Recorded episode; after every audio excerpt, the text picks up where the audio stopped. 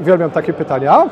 Yy, Uczciwie powiem, że otrzymuję ich dużo i zazwyczaj wtedy mówię, że niestety akurat ta szklana taka kula z przewidywaniem przyszłości właśnie mi się rozbiła i trudno, i trudno na nie odpowiedzieć. Analiza fundamentalna to nie są tylko cyferki, albo może to nie są nawet przede wszystkim cyferki. Czyli zrozumiemy biznes i zrozumiemy i ocenimy, czy on ma szansę rozwoju, czy nie. Do tego dołożymy troszeczkę faktycznie tej wiedzy rachunkowo-księgowej, no to wtedy jesteśmy w stanie ocenić, czy ta spółka jest dla nas atrakcyjna, atrakcyjna e, czy nie. Na pewno bardzo duża część akcjonariuszy czy inwestorów indywidualnych docenia to, co GK robi, to robi nie od dzisiaj, nie od wczoraj, tylko od kilku dobrych lat. Docenia e, pomysły z walnym zgromadzeniem, żeby jak najwięcej ludzi e, tutaj przyjeżdżało, żeby się dzielić swoimi pytaniami czy, czy problemami.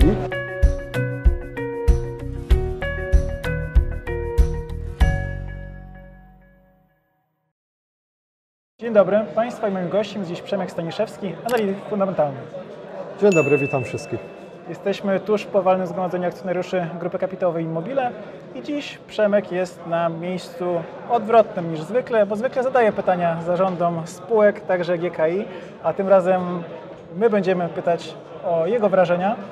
E, czy pytanie, które zadawałeś, między innymi o segment modowy i o plany spółki. Czy czujesz się tutaj zaspokojony, jeśli chodzi o Twoją ciekawość?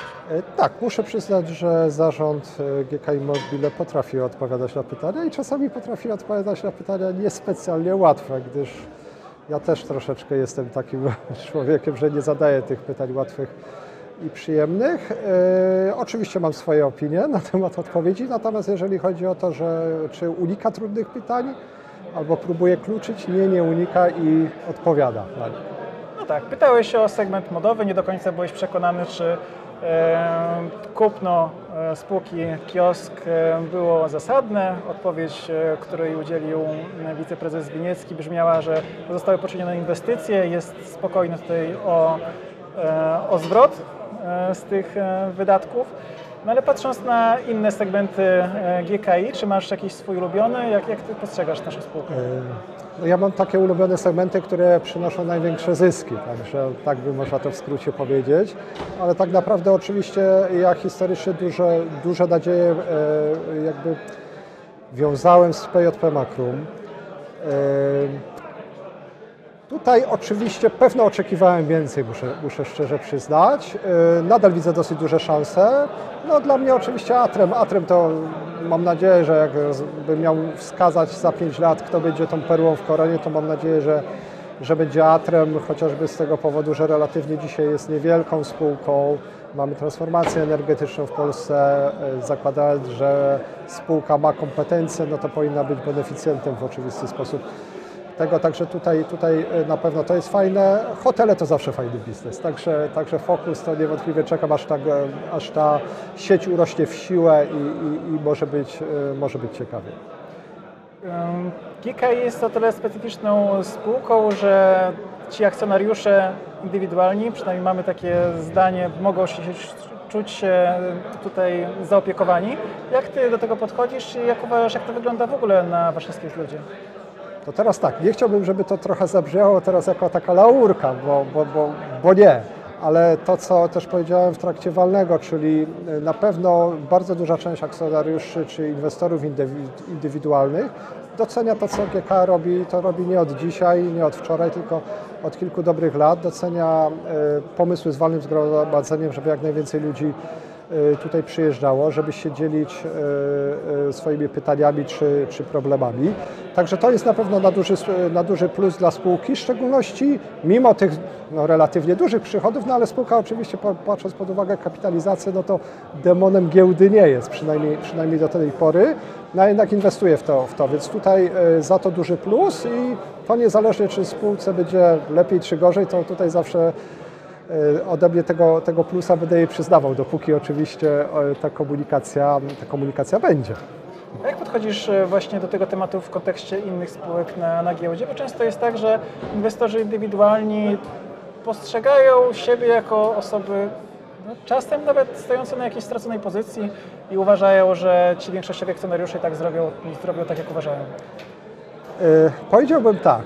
Ja na tym rynku już trochę jestem, prawie że w zasadzie od początku. I historycznie jest ogólna poprawa, czyli jednak spółki trochę wychodzą do tych akcjonariuszy e, e, mniejszościowych i indywidualnych. E, Polska stru- struktura polskiego rynku jest oczywiście też e, i trochę inna, no bo jednak u nas ten udział inwestorów indywidualnych jest relatywnie wysoki, jak porównamy z innymi krajami rozwiniętymi.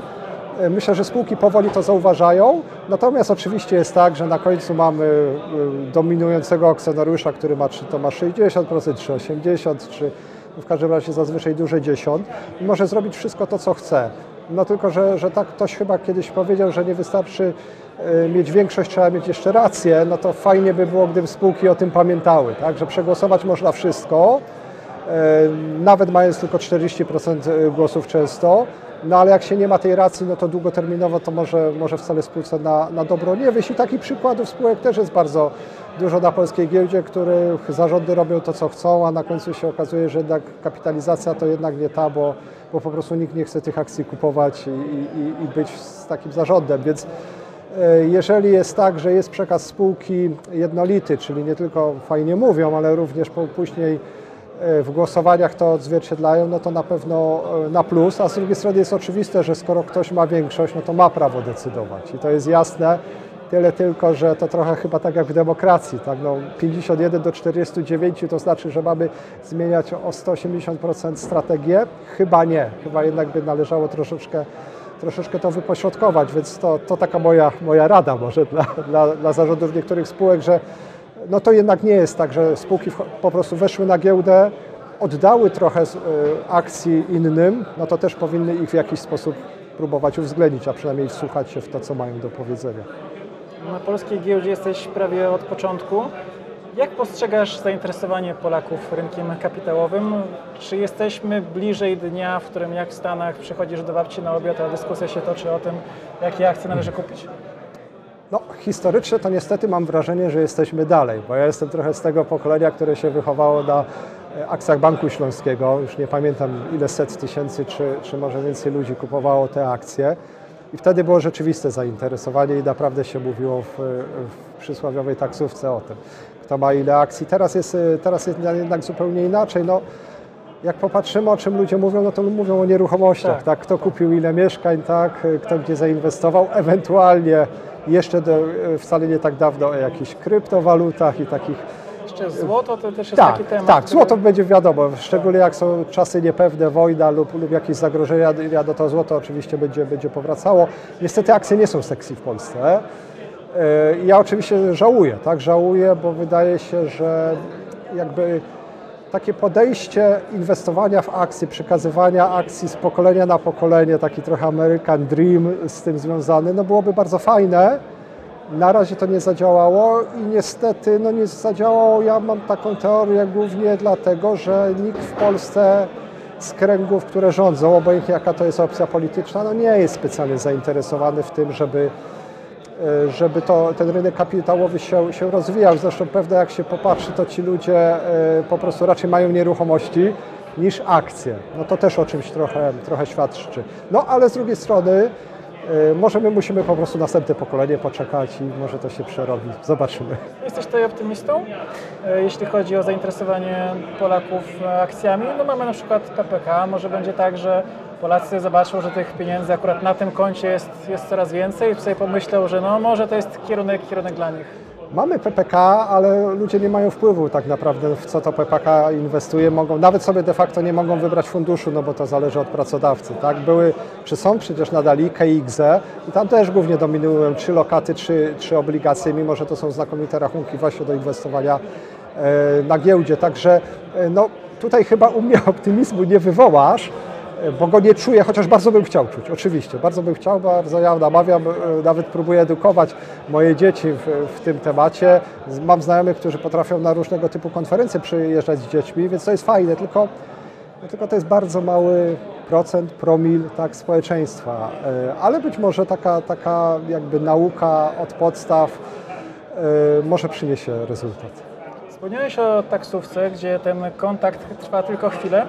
To mnie tutaj sprowokowało do przemyśleń, czy jako analityk fundamentalny w takiej przysłowiowej taksówce jesteś w stanie w kilka minut streścić, na czym polega inwestowanie bazujące na analizie fundamentalnej. W kilka minut czy w kilka godzin? Kilka minut. Mówię dlatego, bo wiem, że z materiałów z Tobą w internecie jest dostępnych wiele. Na portalu analiz też można się zapoznać z Twoim podejściem do inwestowania, ale może jest tak na przykład, że ktoś subskrybuje nasz kanał, bo jest zainteresowany w którejś z naszych spółek, na przykład pracuje i akurat się natknął na rozmowę z Tobą, więc e, stąd tak sformułowane pytanie. Dobrze, w kilka minut. Analiza fundamentalna tak naprawdę w, moim, w mojej ocenie to jest po prostu y, próba ocenienia tego, czy dany biznes warto kupić, czy nie. Oczywiście musimy mieć świadomość, że kupujemy tak naprawdę zazwyczaj bardzo małą część tego biznesu, tak? Ale to jest tak naprawdę ocena tego, czy warto w ten biznes wchodzić, czy nie. Co to oznacza? No to oznacza oczywiście, że próbujemy zrozumieć, jak biznes działa, próbujemy zrozumieć, jakie ma słabe strony, silne strony, jakie ma szanse i zagrożenia. Na końcu również patrzymy na te wszystkie cyferki, czy co analizę wskaźnikową, czy sprawozdania finansowe, to też jest potrzebne. To też jest bardzo ważne w analizie fundamentalnej, ale ja kiedyś u jednego z kolegów nagrałem taką prezentację, że analiza fundamentalna to nie są tylko cyferki, albo może to nie są nawet przede wszystkim cyferki. I, i to jest takie przesłanie, które Możemy powiedzieć, gdzie jest ten materiał? Yy, u Stockbrokera. Także to, to, to zachęcam do, do odsłuchania. Na YouTubie gdzieś tam powinno być znale, do znalezienia. Yy, dlatego, że to jest chyba takie clue. Jeżeli zrozumiemy biznes i zrozumiemy i ocenimy, czy on ma szansę rozwoju, czy nie, do tego dołożymy troszeczkę faktycznie tej wiedzy rachunkowo-księgowej, no to wtedy jesteśmy w stanie ocenić, czy ta spółka jest dla nas atrakcyjna, atrakcyjna e, czy nie. E, No i ty, ja bym ty akurat tak zachęcał do patrzenia na, na spółki e, i na, na analizę fundamentalną, ale metod jest mnóstwo. Po prostu nie starczyłoby naprawdę nam tutaj dnia, żeby je wymieniać. I metod e, podejścia, i nie tylko zresztą do analizy fundamentalnej, ponieważ no, wiadomo, część ludzi jest, e, specjalizuje się w analizie technicznej, część w e, różnego typu takich wręcz zachowaniach jedno, jednosesyjnych, kupowaniu sprzedaży czy bazującym na, na jakiejś tam psychologii tłumów. Więc metod do osiągnięcia sukcesu bądź poniesienia porażki jest wiele i, i każdy powinien tak naprawdę wy, wy, wybrać tą, która będzie mu najlepiej odpowiadała dla, dla niego. Jeszcze chcę na koniec zapytać o twój, twój typ, Twoje przewidywania. Jeśli na przykład nie mam pojęcia o analizie, myślę natomiast o zakupie jakiegoś ETF-a, czy to z myślą o, ściśle o Polsce, czy szeroki rynek światowy, w konkurencji do na przykład nieruchomości. Czy Twoim zdaniem na przykład w perspektywie 5-10 lat, e, co będzie korzystniejsze? Uwielbiam takie pytania. Uczciwie powiem, że otrzymuję ich dużo i zazwyczaj wtedy mówię, że niestety akurat ta szklana taka kula z przewidywaniem przyszłości właśnie mi się rozbiła i trudno, i trudno na nie odpowiedzieć, więc to jest bardzo fajny sposób uchylenia się. Ja nie będę prognozował, ale bym powiedział inaczej może. Jeżeli ktoś chce kupować nieruchomości, bo na przykład uważa, że będzie tam spędzał trochę czasu, to ma być drugi dom, albo inwestuje dlatego, że dzieci mu się rozwijają i za chwilę będzie chciał, super pomysł. Niech to robi. E, Niech za dużo nie bierze lewara, bo to jest zawsze niebezpieczne.